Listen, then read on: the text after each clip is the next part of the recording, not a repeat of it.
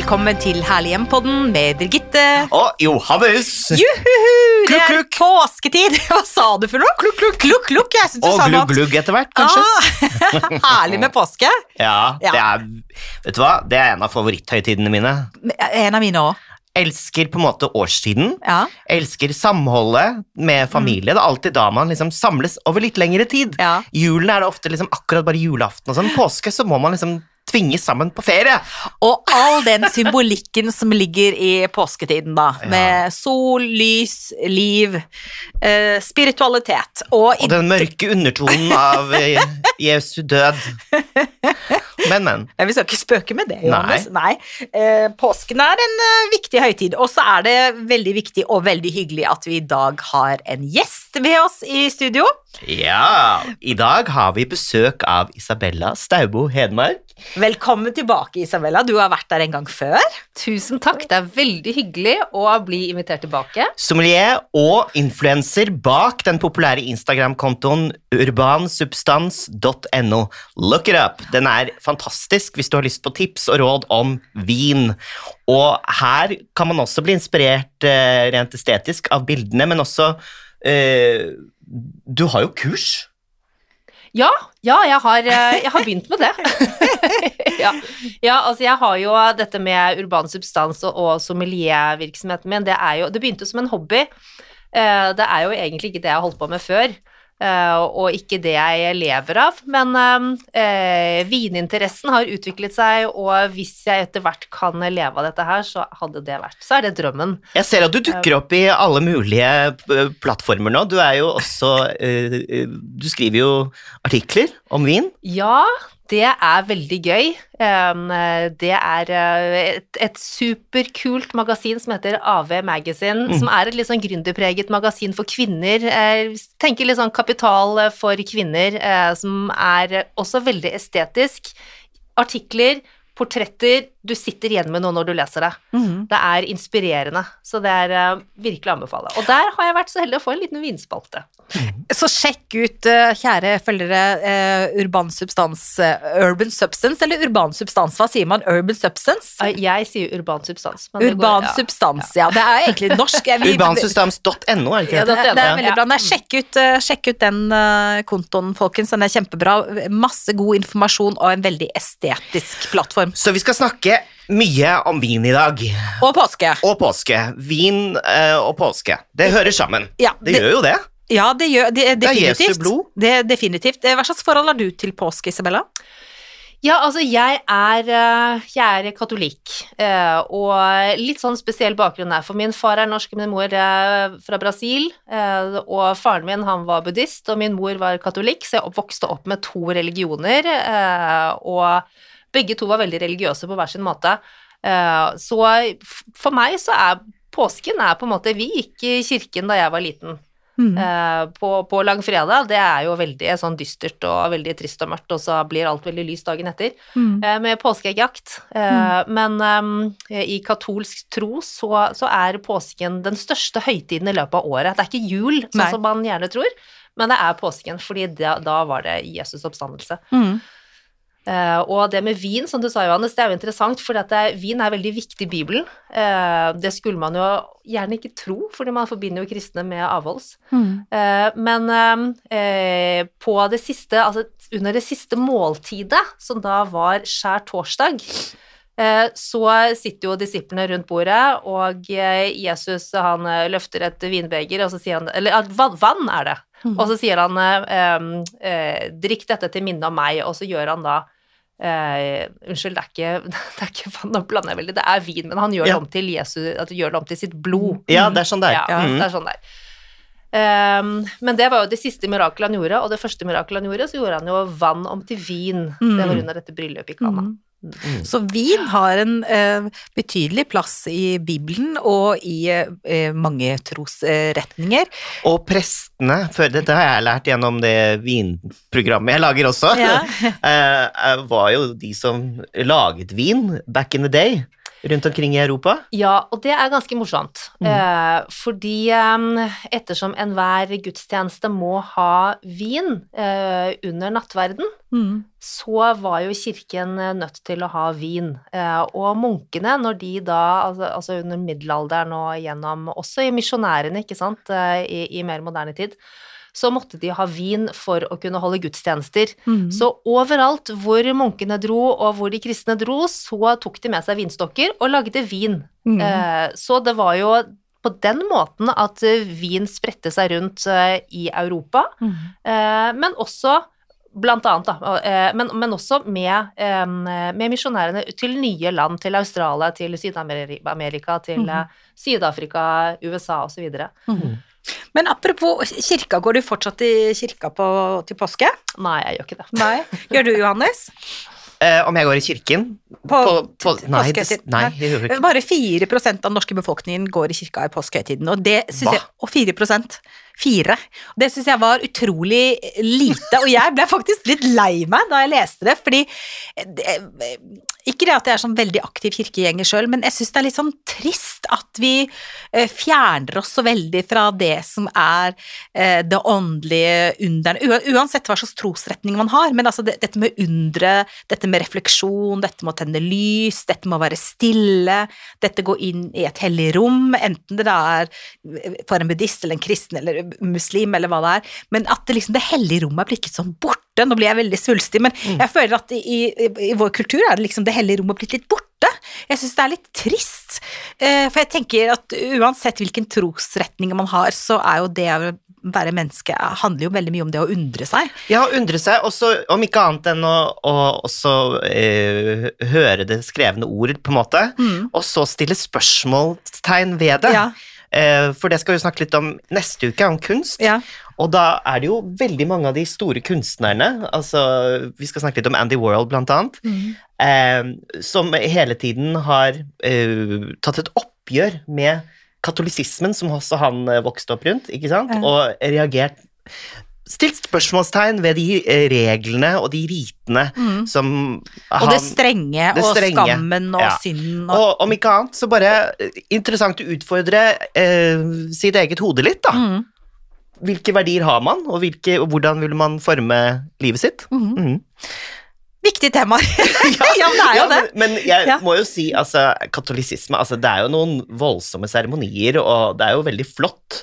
Det er stort, grand. Er, har du blitt litt preget av det?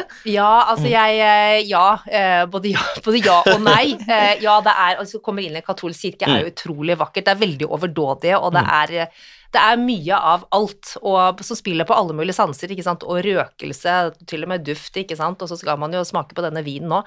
Eh, så eh, ja, sier jeg, eh, og, og, i buddhisme så er det tilsvarende det er også veldig mye. Altså, vokste to, jeg vokste opp i to hjem med veldig mye av alt, og det var og begge mine foreldre de hadde jo altere. Min far alter med sine buddhiststatuer, og min mor med sine katolske helgener. så, og ja, så religiøse symboler er jeg egentlig oppvokst med. På, så for meg så er det Jeg reagerte nok litt på at eh, jeg, jeg, hos meg så er det stikk motsatt. Jeg måtte bare Jeg må ha det minimalistisk rent, minst mm. mulig. Eh, mm. Det ble litt for mye. Men ble det kollisjon mellom det katolske og det buddhistiske? Eller eh, fløyt det liksom i en sånn nei, organisk Nei, for meg så er det altså det er to sider av samme sak. Mm. Det ene er ikke noe riktigere enn det andre. Man må mm. bare finne det som er riktig for en selv, tror jeg. Mm. Uh, så, men, men, hvis du tenker på sånn, sånn estetisk sett, da, ja. så altså jeg har buddha-statuer hjemme, sånn som veldig mange andre har. Så, mm. og, og, litt sånn tilbake til det med altså, altså man, mm. vi på en måte så har vi distansert oss fra religion, sånn som mm. du sa, mm. men på en annen side så har vi blitt flinkere til å ta inn eh, religiøse symboler som et interiørelement. Mm. mm. Men, eh, men, kanskje man skal tenke litt mer over det da nå i påsken, de mm. eh, religiøse symbolene man kanskje har som pyntegjenstander i huset sitt, og hva det egentlig betyr. Mm. Eh, og om det er kristent eller buddhistisk, eller om det er en skiva av hinduisme, eller om det er noe, noe annet. På en måte det er, det er budskapet er ofte, eller det er det samme. I Thailand eh, rynker de jo litt på nesen over at turister kjøper med seg buddha-statuer og tar med hjem, ikke sant? Eh, og det er jo veldig populært. Jeg har også det hjemme. Jo, for dette er jo noe med uh, hvordan man forholder seg til eksempel en buddha-statue, Ja. i forhold til at man ikke skal vende føttene mot buddha, at man skal ha buddhaen høyere plassert enn mennesket er plassert, så hvis man har en buddha-figur, så skal den stå over deg, ikke sant, du skal ikke ha liksom masse sånne buddha liggende på gulvet, ikke sant, I, og, og, og det tenker jeg er litt greit at vi har et bevisst forhold til, jeg har selv flere buddha-figurer, men jeg prøver å og tenke litt på hva de faktisk betyr for dem som er buddhister. Akkurat som jeg vil gjøre med et kors, Mm. eller som jeg vil gjøre med en, eh, Madonna-figur. eller jeg samler jo på rosenkranser, jeg er ikke katolsk selv, men jeg samler på rosenkranser. Jeg prøver å liksom ha litt respekt for det. Altså, jeg syns det er flott og- lekkert. Jeg skal ikke være hellig her, altså, i et interiør og ha eh, ting, og særlig hvis det er litt gammelt og kanskje litt ordentlig. Men jeg prøver å ha litt respekt for det òg. Jeg klasjer liksom ikke hvor som helst, hvis, hvis du skjønner hva jeg mener. Men vi, vi, vi, må, vi må snakke om vin. Ja, nå er det på tide. Nå må vi snakke om vin, og det er eh, påsketid. Eh, sola er kommet. Eh, eh, kanskje har vi lagt fra oss de aller tyngste spanske rødvinene. Jeg vet ikke, hva sier du, Isabella? Hva, hva er eh, vårens eh, vin? Ja, det er jo rosévin. Oi. Eh, da tar vi frem eh, rosévinen. Det er liksom, og påsken er vel da når, altså når rosé, rosévinsesongen starter. Eh, og så glir den litt sånn merkelig over når kulden kommer, så er vi liksom eh, Da går vi tilbake til det røde. Men det er, eh, det er en tydelig trend i at folk drikker mer og mer rosévin og musserende vin. Til, altså til fordel for um, de tunge rødvinene og sånn. Så Vinmonopolet ser jo en tydelig trend der. At vi velger lettere, lysere viner eh, med mindre alkohol. eh, og eh, ofte så er de økologiske også, eh, og eh, mindre sukker. Og det henger jo også sammen med den sunnhetstrenden generelt i samfunnet. Mm. Så, eh, men rosévin er en av de store vekstvinnerne. Altså, altså vi drikker jo nesten De siste tre-fire årene så har det vært salget doblet seg. Å, herregud. Mm. Men eh, hvordan lar det seg kombinere med på en måte den påskematen og de tingene der? Ja, rosévin er jo en veldig sånn eh, Det er lett, og det er friskt, og det drikkes ungt, eh, og, og det, det har eh, Av og til så kan det ha litt tanniner. eh, og det er en utrolig matvennlig vin. Jeg mener at er, eh, man kan drikke rosévin hele året. Eh, litt sånn rart at vi bare drikker det når det er varmt, men det henger kanskje sammen med den feriefølelsen, at når Mm. det blir varmt, at vi er vant til å drikke det utlandet utlandet eh, på ferie. Og, og så tar vi det liksom en sånn sommer, sommerlig greie. Men eh, det er en veldig versatil vin som passer til det aller meste. Spørsmålet er egentlig ikke hva slags mat rosévin passer til, det er mer hva slags mat bør du ikke drikke rosévin til. Ja, men kan man for eksempel ha lam, lam sammen med rosévin? Ja. Veldig mange spiser jo lam, eh, lammelår eller lammestek på, til påske. Ja, altså det, det er jo type sånn De litt sånn tyngre kjøttretter Ja. er kanskje det du heller bør velge en rødvin Ja, til. ja. Eh, så eh, Men jeg ser for meg på en måte kylling kan være godt til rosévin. Kylling, nydelig. Litt sånn, ja. Kylling, fisk, eh, skalldyr. Kalkun, eh, sikkert. Ja, alle mulige. Altså egg, paier, omeletter. Ja. eh, skinke kan også passe mm. fint til, og, og charkuteri, liksom uh, ulike pølsetyper, og, og, og en del altså sånn ferske, bløte oster. Mm. Chèvre eller mozzarella. em, eller en sånn- Ja. Om, nam, nam, Hva kalte du for noe? Burrata. Å? Å ja, det er jo det beste som fins i hele Mm. verden. men, men hva med liksom grillpølsa, da? Kan vi ha, kan vi ha rosévin til grillpølsa vår? Og det, vi drikker jo Altså, vi um, Hva skal jeg si uh, Grillpølse er jo sånn salgstopp i påsken. Ja. ja. Altså, ja, sitt ute i solveggen med en grillpølse og ta et glass rosévin. Ja, ja, Ja, ja, ja, ja. Det syns jeg. Det går helt fint. Men Men, du, rosévin er jo litt sånn underlig uh, vin. Hva lages det av? Du, det lages av um, røde druer. Uh, og uh, det er ikke en blanding av Eller det kan det for så vidt også være, men det er uh, Altså, det som er med de, i, I druene så sitter fargestoffene i skallet. Hvis du tar en vindrue og kutter den i to, så er, den, så kjøttet hvitt, og, mens fargene sitter i skallet.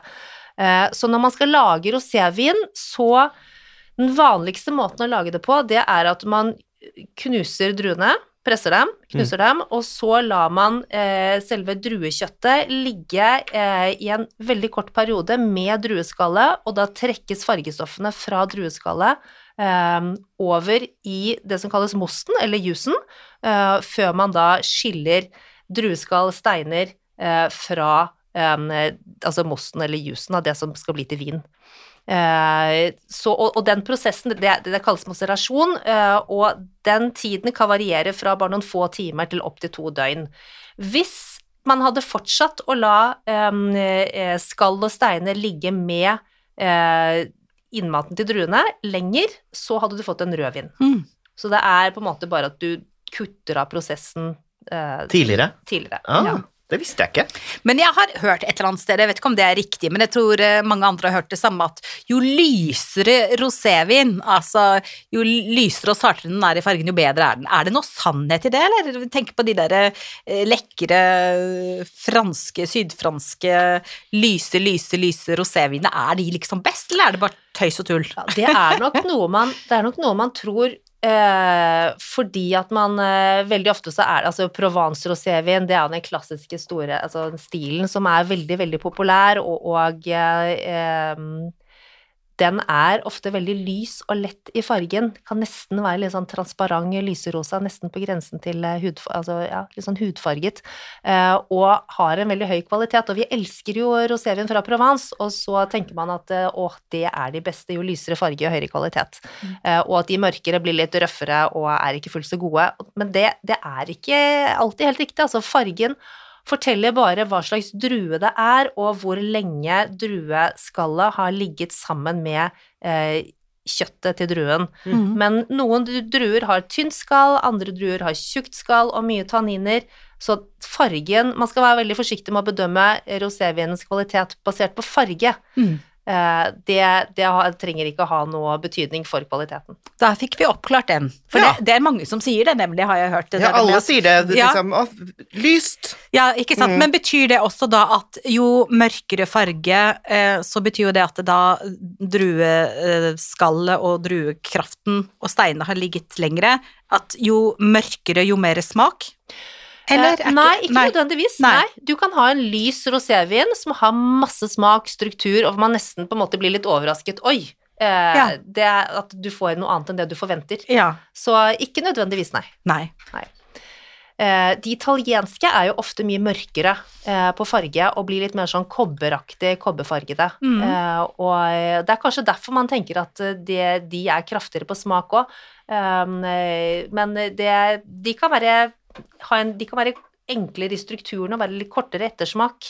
Mm. Eh, vi skal smake en rosévin her i dag som er fra Italia, eh, på Nebbiolo-druen. Eh, og den har nesten samme fargen som en, en Provence-rosévin. Hva er det som kjennetegner Nebbiolo igjen? Nebbiolo det er jo det man lager Barolo av. Det er liksom kongen av alle druer i mm. Italia. Det er en drue med masse tanniner eh, og mm, mye eh, syre, eh, men den er eh, ikke så mørk på farge. Nei. Nei. Rosévin, altså jeg vet at du har, du har, snakket litt om at rosévin ikke behøver å oppfattes som så veldig feminint. Ja, noen mener jo det, at, ikke sant, fordi det er rosa, så tenker man at ja. Eh, rosa, det er feminint. Mm. Uh, og jeg tror nok det har vært en litt sånn oppfatning i Norge også at rosévin, at gutta ikke vil drikke rosévin fordi det er en feminin drikk. Ja, men det er jo litt liksom. sannhet i det. Det er sånn uh, utdrikningslag for, for, jenter. Da er det rosévin og bobler, liksom. Rosévin og, rosa, og med ja. rosa musserende. Ja. Ikke sant? Gutta skal ikke drikke rosa musserende, det kan, men det, det, er forbeholdt jentene. Og det er jo egentlig helt tøysete. Ja, hvorfor har det egentlig blitt sånn? Vi har ikke kommet lenger. ja, hvorfor har det blitt Det er veldig rart. Men altså, mm. i, i, Italia og Frankrike mm. så er det Så spiller det ingen Altså, de gutta drikker jo rosévin like mye som damene gjør det, og det, det, har ikke noe å si for uh, om de føler seg feminine eller ikke. Det Jeg tror ikke det. Men du har med deg noen vinnere her, ser jeg. Ja, jeg tenkte det at vi skulle smake på en eh, Bare kjenne litt eh, aromaforskjeller på eh, fransk, den litt sånn klassiske eh, Provence-stilen. Så mm. da har jeg med en minuti. Jeg må, jeg må, slå et slag for disse små flaskene, fordi vi er jo veldig glad i, i boksvin, som er tre liter eh, mm. eller, eller, eh, ja, eller av og til mer. Og nordmenn er veldig glad i boksvin. 60% av salget på Vinmonopolet er jo eh, bib. Og for Nei, all del, det er 60% ja, ja, og, og det er veldig miljøvennlig. Det er veldig bra eh, at vi velger så miljøvennlig. Eh, men eh, jeg tenker at å velge de små flaskene, hvis du ikke skal ha så mye, du skal bare ha et, eh, altså et, et glass eller to og, en hel flaske, det blir for mye for deg, og den blir dårlig innen du rekker å drikke opp hele flasken, så tenker jeg at vi glemmer de små flaskene, så gå og ta en titt i den hyllen med de halvflasken også, for det er, det er mye bra som står der òg. Ja, så er det vel sånn at konsumet går opp når man drikker fra kartong, vil jeg tro. Altså at man ikke Man har ikke oversikt over hvor mye, mye, mye man har drukket, liksom. Du tar deg en sprut, men hvis du kjøper en sånn liten eh, Da ser du faktisk hva du får i deg. nå har du drukket en halv Ja. flaske, liksom. Her, Birgitte. Takk. Nå får Dette er vi, minutiv. blir vi servert her. Ja, Mhm. og den er jo Det er denne klassiske høye, slanke flasken med buer på alle de rette stedene. Um, som er liksom ikonet på Provence-rosévin. Ehm, det var jo den som var Det var den første vinen som hadde denne, disse høye, slanke flaskene i Provence, som senere har inspirert andre produsenter i Provence til å ha sånn høye, lage høye, slanke flasker. Mm. Og Minutiv, hvordan er den prismessig? Eh, den ligger eh, ja, er, det på, er den 180-ish kroner? Ja. Ja. Jeg, ja. Ja, sin- rundt omkring der. Rundt omkring. Ja, rosévin blir jo aldri dyrt. Hvorfor det? Nei, det er et godt spørsmål. Hvis du kommer opp i så Jeg tror ikke du finner en rosévin over 400 kroner. På, Oi, det var interessant. ja, så de ligger De er veldig prisgunstige. Og det lukter så jordbær. Det lukter altså så vanvittig Ja. sommer og Sørland. Tenker Ja. jeg, jeg får veldig sånn Sørlandet, altså. Mm. Jordbær og liksom ganske mye blomster. Mhm. Litt melon. Melon! Det, det Ja, lukter jeg nå. ja. Men jeg syns jordbær kom først. Mm. Og så Ja, da, har det, er så som, det lukter altså så sommer. Mm.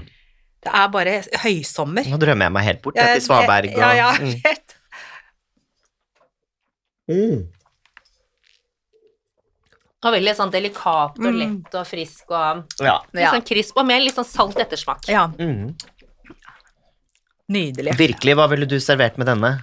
Nei, det er jo en sånn Man trenger egentlig ikke servere noe til den, man kan Nei. bare sitte og nyte og kose seg med den Ja. Mm. på terrassen. Absolutt. Eh, eller um, så um, Ja, jeg tror den passer til um, lange, deilige lunsjer eller en påskebrunsj. Um, tror den Ja. Lette, friske retter. Sjømat. Sjømat, ja. Reker. Absolutt. Ja, reker, ja. Ja. Hmm. Kanskje det blir reker i påska da, Johannes? Ja. Det er jo veldig, veldig lettvint det er veldig lettvint med reker, da. Det er ikke så lett å få tak i på fjellet, da. Nei, på fjellet, nei, men man må jo til sjøen når det er påske. I hvert fall må jeg det. Da må jeg til sjøen. Jeg har begge deler, jeg. Ja, du vet, du er så dekadent, du vet, du er heldig. Femund, der er det jo uh, herlige strender, men Ja, som jeg sa, det var som å være i Kroatia, men du må sette minustegn foran eh, badetemperaturen. ja. ja. Mm. Nei, påska, det syns jeg er nydelig å komme ned til sjøen. Og da er det å se på båten på vannet, og sitte ute og se utover sjøen. Ja, jeg, jeg ser den, altså. Åh. Fordi på fjellet så er det Altså, det, nå er det jo vi altså, langt ute i april, og så skal man få med siste rest av vinteren. Nei. Det er jo, da er man egentlig sånn- mest keen på sommer. Ja. Isføre. Ja. Da blir jeg dratt av gårde på isføre av de kjøterne mine. Det er ingenting. Nei da. Men Den dette her skal med i sekken min der, ja, når den jeg var skal god. på Den Ja. het Minuti. Minuti. Og så har fransk vi Den er Provence. fransk, ja. Mm. Og så har jeg tatt med en ehm, En som er fra eh, Italia. Den er laget på Nebbiolo. Eh, bare sånn at dere kan kjenne litt sånn stilforskjell. Den er litt mørkere. Ja, litt, lite grann. Mm. Dette er veldig gøy. Man, og man reiser liksom gjennom verden eh, i, i et glass. Ja. Og det er det som er så fascinerende med vin, ikke sant? For det er, det er kultur, det er tradisjoner, det er historie, det er eh, mennesker, det er eh, individ, det er, eh, teknikk, eh, lukter og smaker, og, og altså når du åpner en flaske vin eller tar en slurk, så er det på en måte et, et bilde, det er som å fryse et øyeblikk. Assosiasjon, ja, ja. Veldig. Og så er det rart med noe som Hvis man har drukket noe i, i- utlandet, for eksempel så kan jeg er jo veldig glad i Hellas, så er mye der. Så kan jeg drikke noe i Hellas som jeg syns er kjempegodt, og så hvis jeg drikker det i Norge, så er, er, kan, det går det ikke an å drikke, nesten. Altså i forhold til hvor man er, assosiasjonene, Å ja, sånn, ja. Ja, ja. Mm. Ja, den her Sangiovese. Nebbiolo. Ja, den her er på Nebbiolo. Den, hvis dere kjenner etter, så har den litt mer Den har mer er sånn kirsebær, moreller Ja, eh, Den er litt sånn metallisk. kanskje. Den har mer struktur. Den er litt, litt høyere syre, kjenner dere det? På smak. Mm. Mm. Du sier noe om at hvit Ganske, ganske røff, egentlig. Ja, den er litt røffere. Den, den var ikke jeg så Jeg, jeg er litt mer på minuti, jeg. Den litt, ja. jeg vil jeg tro kanskje må være mer til mat eller noe. Altså, den syns jeg var litt sånn hard. Den er til mat. Den definitivt. den er til mat, ja. Den har også et uh, ganske sånn lett tanninbit, Ja. kjenner dere det? Mm. Ja, ja. det snerper litt i munnen. Ja. Ikke sant? Ganske sånn snerpete. Hva gjør tanniner? Tanniner er, altså hvis du tygger på en tepose, Ja. så det er tanniner. Det snerper ordentlig. Men tanniner gir struktur, og det vi kaller det struktur og kropp til vinen. Det er litt sånn eh, Det gir eh, Det hjelper også til å altså matche mat. Det gjør det mild... Altså det, det er på en måte Når du spiser mat, så vil fettet i maten, det vil, eh, hvis det er animalsk fett, så vil det matche veldig godt Ja. med tanniner. Ah, så skjønner. dermed så vil tanninene oppleves som bløtere. Ja. Eh, pluss at eh, tanniner vil, vil hjelpe til med å rense opp fett i munnen Ja. sammen med syren. Mm. Så det Men er en fin kombo. Ja, Men fordi, men ganske- tanniner, har du tanniner i Har du tanniner i hvitvin? Nei. Nei. Så det er egentlig rosévin og rødvin du finner tanniner og syre. Det er liksom de hovedkomponentene. Og så ja. i hvitvin så er det mm, bare syre. Ja. ja. Men, men eh, eh, den, her, den her var jo helt annerledes i smaken. Uh, mye sånn mek eh, hardere, holdt jeg på å si. Jeg klarer ikke å forklare det på en annen måte. Hardere, Ja. mer maskulin, kraftigere. Mm. Vi kjenner det mm, strammer i munnen. ja. Slags, der tenker jeg, den måtte jeg hatt mat til. Mm. Hva ville jeg hatt til den? Ville jeg hatt noe smøraktig? Ville jeg hatt noe sånn fisk, flyndre med smørsaus? Hva ville jeg ha til den her? Jeg tror den er helt nydelig til eh, altså pizza og pasta Mm. og Ah, eh, pasta. Ja, lasagne. Ja, Ja, ja. ja Mm. nettopp. Ja. Litt det der kremete, runde myke. Ja. ja. Men altså, jeg tror den også fungerer kjempefint til taco, for eksempel. Ja. ja. En fredag. Påsketaco. Ja, taco er eh, altså, en matrett som er litt vanskelig å, å kombinere med vin. Ja. For det er mye krydder og, og rømme til, ikke Ja. sant? Og samtidig som det er mye friske grønnsaker. Ja. Så, men jeg tror at en, eh, en italiensk rosévin vil være veldig fin. Den takler det. Det var en italiener. Ja. Og så skal vi også eh, snakke om de spanske.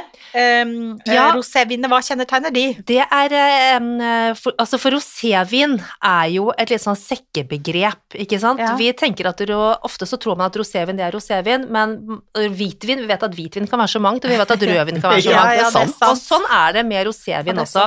Så nå har vi sett på to ulike stiler. Vi har sett på en fra Provence, og så har vi sett på en eh, fra Piemonte, en på Nebbiolo, eh, Mhm. eh, italiensk, og så er det eh, men de spanske rosévinene er også nydelige. Og hvis de er laget på Tempranillo, Mm. eh, kommer fra Rioja, Mm. så er det altså en stor sånn eh, Altså en klassisk tydelig stil.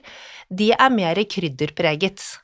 Eh, og kan få Altså blir også Kan også være litt sånn røffere, fordi Tempranillo er en rødvinsdrue som har mye tanniner og, og, og eh, kraft. Mm. Eh, så de rosévinene som kommer fra, fra Rioja-området, de får mer av dette krydderpreget. Ofte så har de ligget på eik, ikke sant. Eh, og eh, eik, det er eh, matcher veldig Ja, det gir fra seg mye krydder og litt sånn kokos og litt, kan være litt sånn vaniljepreget aromaer også, som da kommer over i vinen og gjør da Bidrar til å gi eh, Gjøre at rosévin fra Spania, eller fra Rioja spesielt, blir veldig sånn store, eh, med mye kraft, eh, og igjen blir fine matviner. Ja.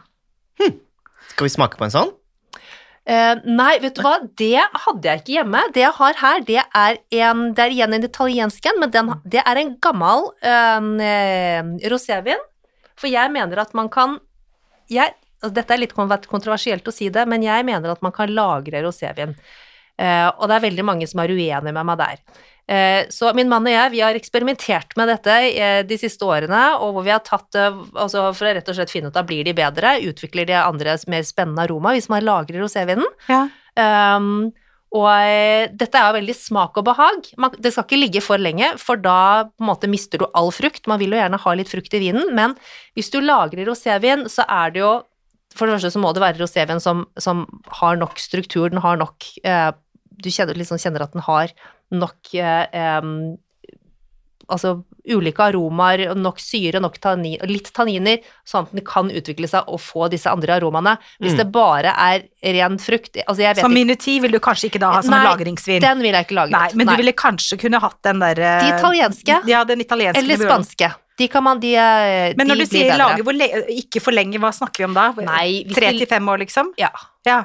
Men, så eh, for det har jeg aldri hørt om, faktisk. Folk Nei. som la lagrer rosé.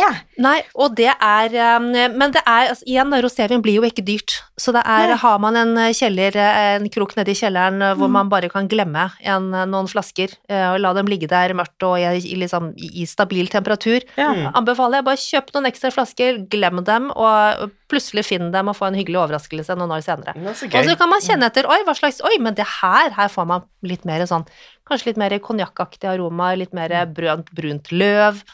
Eh, litt eh, mer jordaktig.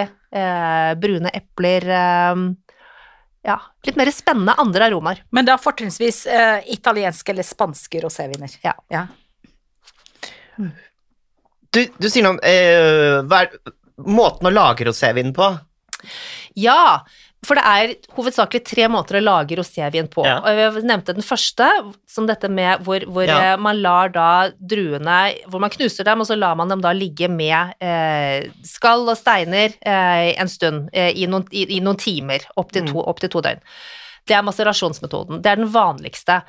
Men så har du noe som kalles Sagné-metoden, mm. og det kalles eh, for å blø, betyr det på fransk. Nei.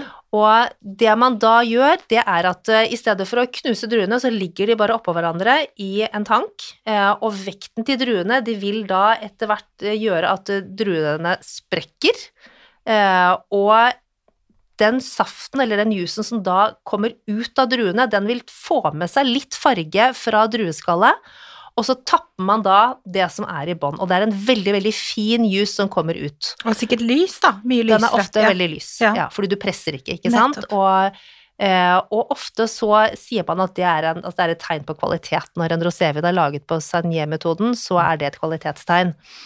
Eh, de vinprodusentene som lager vin på Sagnier-metoden, det er ofte rødvinsprodusenter, og de tapper da, det er også en måte for dem å konsentrere rødvinen på, ved at de eh, tapper ut litt av saften, ikke sant, fra vinen, slik at det som blir igjen da i tanken, det blir da en mer konsentrert eh, rødvin. Mm. Så eh, det er eh, ja, det er igjen da ofte i Rioja eller klassiske, altså i, i, i Piemonte eller Toskana, klassiske rødvinsområder, hvor de da lager rosévin, så er det mer et biprodukt av produksjonen deres, og ikke oh. hovedproduktet. Ja. Eh, som kan forklare igjen noe av kvaliteten til eh, rosévin fra mer sånn klassiske rødvinsområder.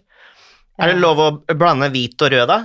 Da får man jo Nei, det er, rosa. nei, nei, nei, det, det er, det er fy-fy. Er det det? Ja, ja, ja, ja. Nei, uff. Nei, det er ikke lov. Det er ikke lov. Men det nei, men er er det noen som gjør det? Blande hvitt Hæ? Ja, det er, Er det det? Ja, ja. For det er sånn man har hørt som sånn spøk. Rosé vel liksom 50-50 rødt og hvitt. Men, okay. men er, det, fa- er det faktisk noen som gjør det? Som blander Ja, eh, altså I EU så er det forbudt, eh, men i nye vinverden, altså hvis, hvis vi snakker Australia, eh, altså alle andre land utenfor Europa, Ja. så, eh, så gjøres det, men det er ikke tegn på kvalitet. Da er det billig Ja, men New Zealand, for eksempel, har ikke de en del gode Jo, de har masse gode roséviner. Ja, men de blander ikke, håper jeg.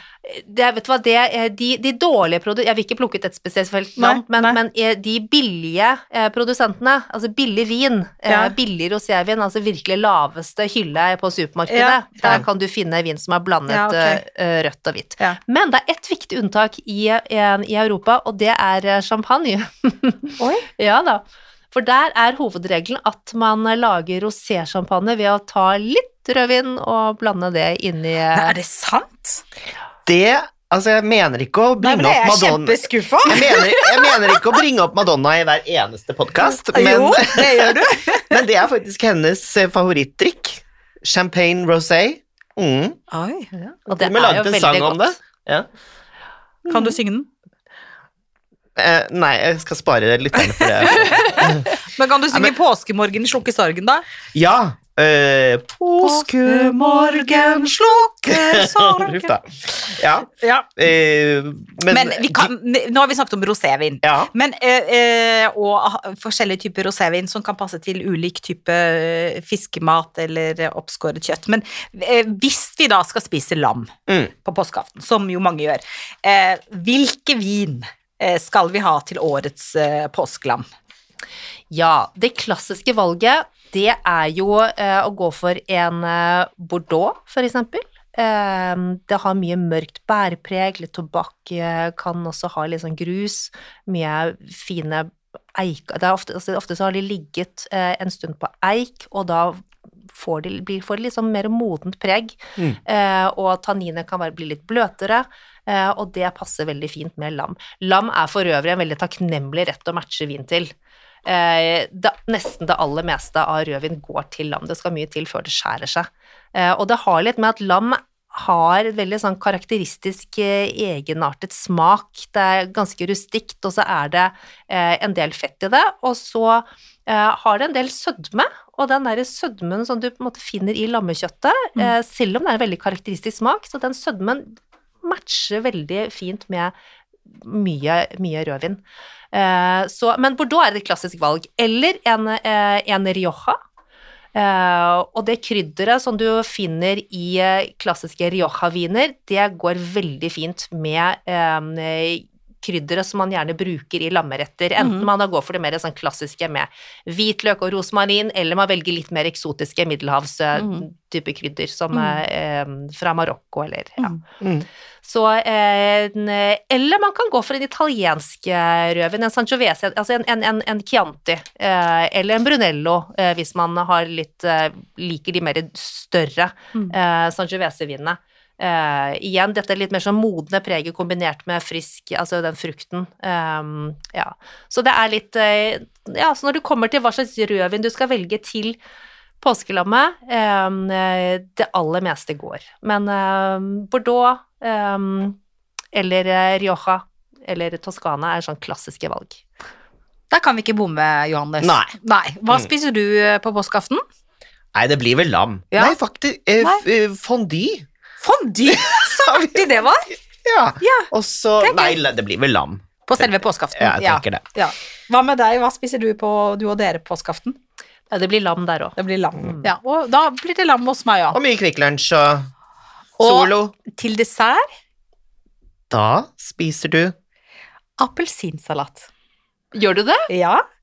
Masse, masse, masse appelsiner som skrelles gjerne mange timer i forveien, og alt det hvite må ha, absolutt alt det hvite bittere, dele i litt store biter, la stå på kjøkkenbenken, gjerne fem-seks timer, trenger ikke sukre hvis appelsinene er gode, serveres med til de som ønsker det til. Jeg liker bare å spise den ren, men eh, råkrem.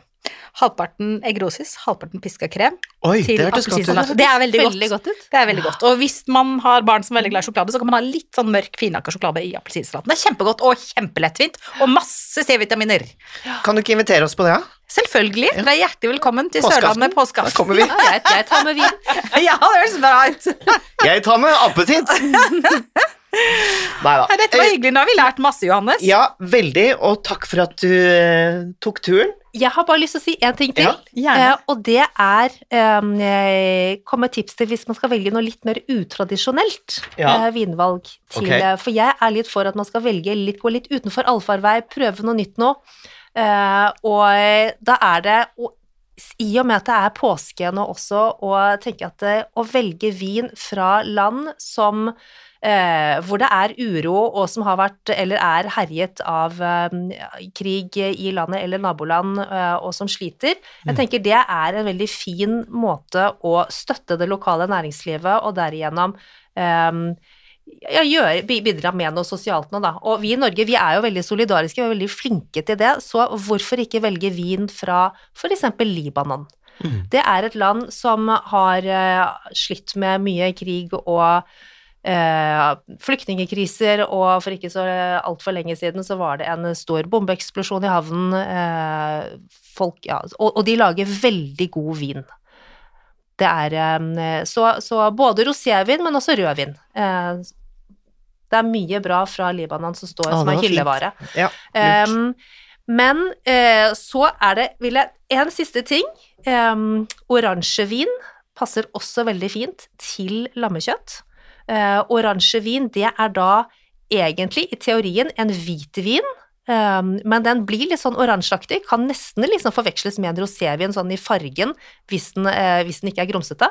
Uh, og um, det er, og da, jeg, da er det én, særlig én jeg vil anbefale, som kommer fra Georgia. Og igjen, uh, Georgia er da Det er et eh, bitte lite land i Kaukasus som grenser mot Russland eh, og Svartehavet og Tyrkia, eh, og som har ønsket å bli eh, Nato-medlem, men eh, Russland har da lagt press eh, på Nato, og, det har de ikke fått lov til. Eh, de er eh, alliert med USA. Det er kommet mye spennende vin fra Georgia. Eller ikke mye, men det kommer stadig mer. Og, så hvorfor ikke kjøpe en oransjenvin fra Georgia? Det finnes en som er på baseutvalget på, på polet, som er en veldig god vin, mye vin for pengene. Og igjen, går man litt utenfor allfarvei, så får man, altså er min opplevelse at da får man ofte mer vin for pengene enn når man kjøper de klassiske områdene. Uh, og ja, påsken, det er, jeg syns det er et fint påskebudskap også. Ja. Når man først skal kjøpe en vin, så er det hyggelig å kunne støtte uh, noen produsenter i et land som ellers sliter. Det var et fint budskap. Det var et veldig fint budskap i påska 2022. Tusen takk for at du kom og besøkte oss, Isabelle Staubo Hedmark, og tusen takk igjen til deg, Johannes Brun, og vi er tilbake allerede om én uke. Ha en kjempefin påske, alle sammen. Ta vare på hverandre, og husk ta vare på ditt herlige hjem, stort eller smått.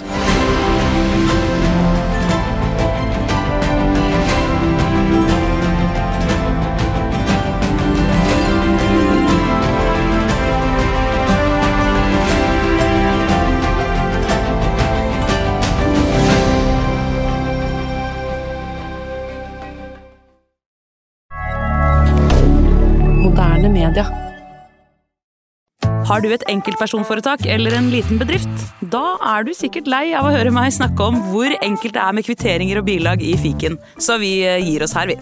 Fordi vi liker enkelt. Fiken superenkelt regnskap.